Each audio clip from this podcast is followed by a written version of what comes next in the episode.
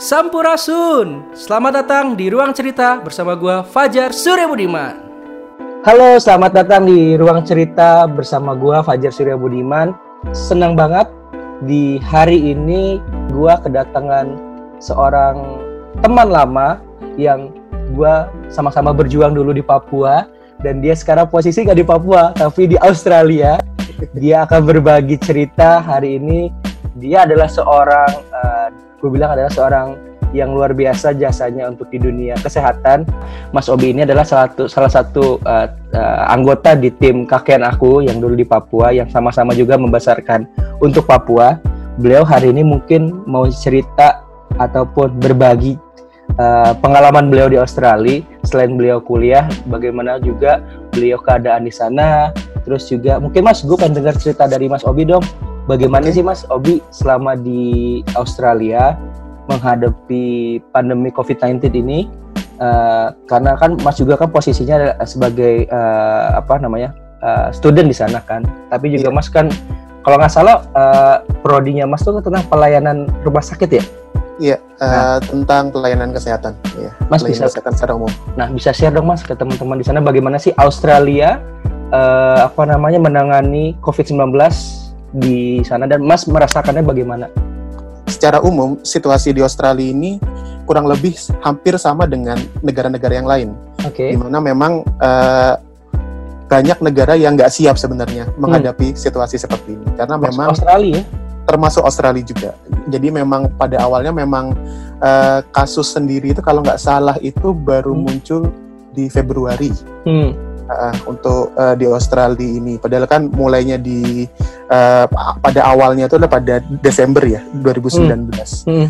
Ya, nah namun uh, di sini juga uh, dampaknya juga yang terasa juga sangat-sangat uh, kuat yaitu juga hmm. dampak di kesehatan secara umum karena langsung okay. terkena Kemudian okay. ada dampak di sektor-sektor lain, utamanya yes. di, di ekonomi, di pendidikan hmm. sama seperti di Indonesia, hmm. kurang lebih sama. Namun memang uh, di sini perbedaan jelasnya itu ada di bagaimana uh, apa ya uh, kebijakan yang berlaku. Hmm. Hmm. Uh, di Australia sendiri ini sendiri.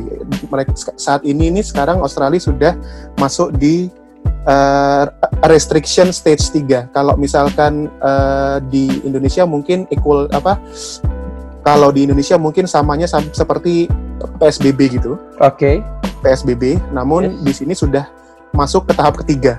Jadi di mana masyarakat itu tidak boleh keluar rumah mm -hmm. uh, kecuali melakukan empat hal. Yang pertama itu berbelanja, okay. bahan pokok dan makanan. Okay. Yang kedua adalah untuk uh, ke klinik berobat. Yang ketiga hmm. itu uh, untuk berolahraga outdoor, misalkan mau lari hmm. di taman ataupun hmm. ini itu sebenarnya boleh. Hmm. Namun itu dibatasi jumlah orangnya dan dibatasi jaraknya. Jadi masing-masing orang itu harus satu setengah meter lah minimal. Nah kan kalau di kalau di Indonesia kan maksimal lima orang tuh. Kalau ya. uh, nah itu di di Australia juga sama atau bagaimana? Uh, saat ini sudah dua orang. Dua orang. Jadi, dua orang maksimal uh, untuk keluar. Dan yang terakhir itu adalah untuk orang yang bekerja atau studi tapi nggak nggak bisa dilakukan di rumah. Jadi okay. misalkan ada orang studi di lab hmm. atau misalkan orang itu bekerja misal se uh, menjadi seorang pengantar makanan atau bekerja okay. di restoran okay. dan sebagainya itu. Dan semua restoran sudah take away ya. Oke. Okay. Jadi Nah, selain restoran, sepertinya uh, selain restoran dan groceries itu, hmm? sepertinya semuanya sudah mulai ditutup, mulai dari uh, gelanggang olahraga, terus hmm. kemudian juga uh, uh, rest apa, uh, okay. misalkan tempat yang memungkinkan orang-orang itu untuk berkumpul, berkumpul semacam Iya. Termasuk mall nah, juga ditutup juga kali ya di sana. Ya? Iya. Jadi uh, kondisinya untuk situasi sosialnya seperti itu. Hmm. Terus kalau misalkan dari kesehatannya sendiri itu bagaimana? Ya memang secara umum uh, situasi terkait misalkan ya yang sekarang sedang happening di Indonesia adalah tentang ketersediaan dari alat pelindung diri. Yes. Bagi tenaga kesehatan maupun hmm. juga bagi masyarakat seperti masker sebagainya. Situasinya itu sama saja sebenarnya. Di mana-mana secara global itu kebutuhan dari uh, alat pelindung diri itu masih belum tercukupi sebenarnya. Oke. Okay. Tapi ya, uh, tapi memang uh, ini disiasati dengan perubahan perilaku juga. Okay. Jadi di sini sebenarnya uh, pendorong utama penurunan dari angka kejadian itu itu adalah masyarakatnya. Jadi benar-benar masyarakatnya di sini sangat kuat dan dan sangat patuh terhadap apa yang disampaikan oleh pemerintah. pemerintah. Berarti tingkat ya. kesadarannya sendiri pun lebih tinggi ya?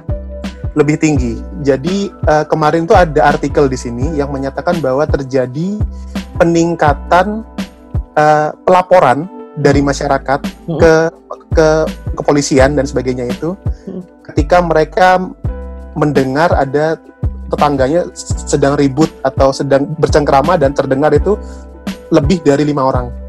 Semacam itu. Okay. itu terjadi peningkatan-peningkatan pelaporan seperti ini dan itu langsung ditindak. Jadi di, di sini itu yang kuat adalah juga adalah responsiveness dari uh, mohon maaf uh, jadi di sini yang kuat itu adalah bagaimana uh, pemerintah itu merespon terhadap uh, situasi yang terjadi di masyarakat. Okay. Sebagai contoh, uh, mungkin uh, kalau bisa lihat di berita itu hmm. ada salah satu kejadian itu di Bondi Beach di Sydney. Hmm. Jadi di Sydney itu waktu itu masih uh, PSBB tahap pertama lah, gampangannya di sini kan di Australia. Hmm. Nah kemudian ketika itu pas matahari lagi cerah-cerahnya, orang-orang pada beramai-ramai di pantai itu. Oh ya? Ya, pada beramai-ramai ramai sekali dan sebagainya itu. Nah, begitu seperti itu langsung uh, uh, uh, dari pemerintah federal Australia itu melihat seperti itu dan kemudian mereka langsung dalam hitungan hari itu men meningkatkan restriksinya ke stage 2 hmm. yang tidak yeah. boleh lebih dari lima orang. Iya. Yeah. Nah, kemudian khusus di tempat saya di sini di Melbourne. Oh, Mas Melbourne, ah? Nah, itu juga uh, ada kejadian yang sama di pantai Saint Kilda di sini namanya. Okay. Nah, itu dalam hitungan besoknya itu langsung diterapkan yang stage 3 yang cuma dua orang. Jadi sangat-sanget cepat untuk uh, uh bagaimana mereka untuk merespon karena mereka tahu ini oh masyarakat ini tidak semuanya bisa uh, mematuhi peraturan yang ada. Hmm. Jadinya memang semuanya itu harus diperketat, diperketat, diperketat gitu. Hmm. Dan memang ini sudah menunjukkan hasil. Secara memang sekarang itu kalau kita lihat eh, rata-rata kasus baru satu Australia itu ada 40 kasus rata-rata lah mungkin ya per hari ya. Per harinya. Per hari itu dengan 10.000 orang yang sudah dites per hari juga. Jadi dari 10.000 tes okay. yang rata-rata per hari di Australia hmm. itu uh, sekarang itu berada di kisaran 40 kasus baru. Dan dan itu tuh sudah termasuk uh, sangat rendah dibandingkan mungkin di akhir Maret yang nyampe ke 140-an kasus. Okay. Jadi sekarang sudah mulai datar kurvanya di sini. Hmm. Dan terus tingkat kesembuhannya juga udah makin banyak ya, Mas? Iya. Kalau nggak salah tingkat kesembuhannya itu udah sampai 63 persen. Jadi dari 100 persen uh, kasus positif, yes. 63 persennya sembuh. Oke. Okay. Mas, kalau secara ini lebih banyak yang sembuh atau uh, sorry yang meninggal? Lebih banyak yang sembuh jauh. Jauh. Lebih lebih banyak yang kasus. Jadi uh, kalau misal kita ambil rata-rata ya eh, hmm. uh, untuk per harinya di sini itu mungkin saat ini itu tiga orang yang meninggal. Diambil satu rata-rata selama uh. ya, itu tiga kematian per hari. Okay. jadi itu mungkin sudah hitungannya memang sudah jauh lebih menurun dibandingkan mungkin hmm ketika itu kalau nggak salah di awal April itu sempat hmm. ada 11 kematian. Hmm. Itu yang paling tinggi per hari. Sekarang hmm. ini kalau diambil rata-rata secara umum itu tiga kematian per hari. Dan memang ada satu hal lagi yang menarik sebenarnya di Australia ini. Hmm.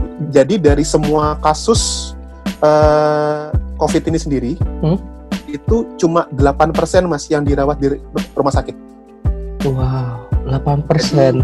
8% jadi dari semua kasus itu jadi benar-benar rumah sakit ini merupakan uh, garda terakhir lah. Jadi oh, diupayakan bagaimanapun uh, caranya orang itu biar tidak ke rumah sakit. Jadi mereka penanganan isolasi sendiri dulu?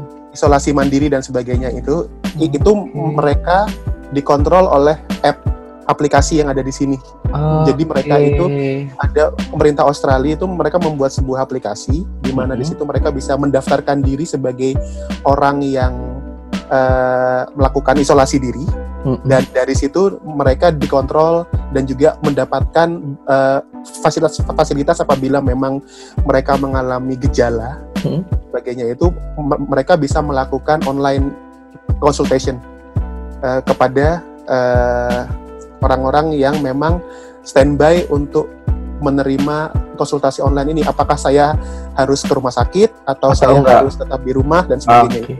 Jadi orang-orang memang diupayakan supaya tidak benar-benar bekerja di eh, mohon maaf, diupayakan supaya orang-orang itu tidak eh, masuk ke rumah sakit. Pelayanan apa yang diberikan oleh pemerintah kepada garda terdepan di rumah-rumah sakit itu untuk para tenaga medis? Uh, ya, kalau secara umum ya, uh, mungkin fasilitas yang ada di sini tidak sampai benar-benar seperti disediakan satu tempat khusus atau apa dan sebagainya itu seperti yang memang sudah disampaikan. Hmm. Tapi memang uh, lebih ke arah peningkatan in insentif sih. Uh, okay. Peningkatan insentif yang diberikan dan juga uh, di sini yang uh, agak menarik bahwa mungkin kebijakan di uh, di tingkatan rumah sakitnya itu ber, uh, diatur oleh pemerintah state. Jadi hmm. kalau misalkan di Indonesia itu lebih di, seperti di pemerintah provinsi ya. Jadi kebijakan dari masing-masing provinsi di sini itu hmm. itu berbeda-beda terkait dengan hal ini. Hmm. Tapi memang uh, yang di, yang saat ini diupayakan oleh pemerintah adalah bagaimana supaya tenaga kerja ini terlindungi hmm. utamanya dan juga tadi uh, secara apa yang sudah mereka korbankan itu benar-benar diapresiasi uh, oleh dengan adanya uh, insentif yang berupa finansial ya keuangan seperti itu atau juga uh, keuntungan keuntungan lain seperti semisal mereka di sini siapa pun yang bekerja di rumah sakit itu pasti akan dapat asuransi kesehatan. Oke. Okay. Itu ya. udah pasti dulu ya? udah pasti, udah pasti mendapatkan asuransi kesehatan. Dan ini yang sebenarnya cukup berbeda. Itu uh, mas, dengan asuransinya situasi, itu buat satu orang si uh, paramedisnya aja atau berlaku iya. untuk kepada keluarganya di paramedis itu? Atau nah, uh, Kalau secara umum itu sebenarnya uh, seluruh warga Australia itu oh, sudah hmm? sudah dilingkupi asuransi baik okay. itu satu keluarga semacam itu. Tapi memang ada jaminan uh, khusus, jaminan tambahan di rumah sakit itu yang memang terkait dengan uh, COVID ini. Oh. Jadi memang ya, memang utamanya untuk asuransi kesehatan yang ada di uh, untuk uh, utamanya untuk uh, tenaga kesehatan yang benar-benar bekerja dalam penanganan COVID ini.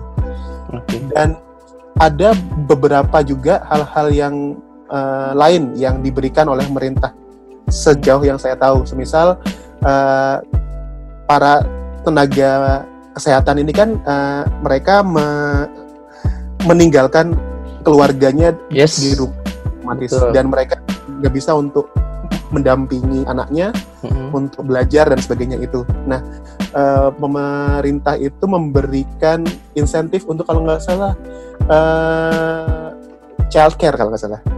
Mereka itu memberikan insentif bagi para tenaga kesehatan itu untuk melakukan untuk childcare dan okay. sekolah itu uh. dibuka untuk anak-anak para tenaga kesehatan itu mm-hmm. jadinya mereka itu tidak perlu khawatir dengan keluarganya jadi mm-hmm. sekolah tetap jalan mm-hmm. uh, dan uh, berbagai aktivitas-aktivitas yang sebenarnya sekarang itu dilakukan di rumah mereka itu sudah nggak perlu khawatir lagi karena uh, semua fasilitas sekolah uh, dan juga hal-hal lain itu benar-benar dijamin bahwa mereka masih apa bahwa keluarganya bisa mendapatkan fasilitas itu. Bagaimana? Seru kan? Nah, untuk episode ini kita bagi jadi dua part ya. Untuk part keduanya kamu bisa cek di postingan setelah ini. So, ikutin terus podcast Ruang Cerita bersama gua Fajar Surya Budiman.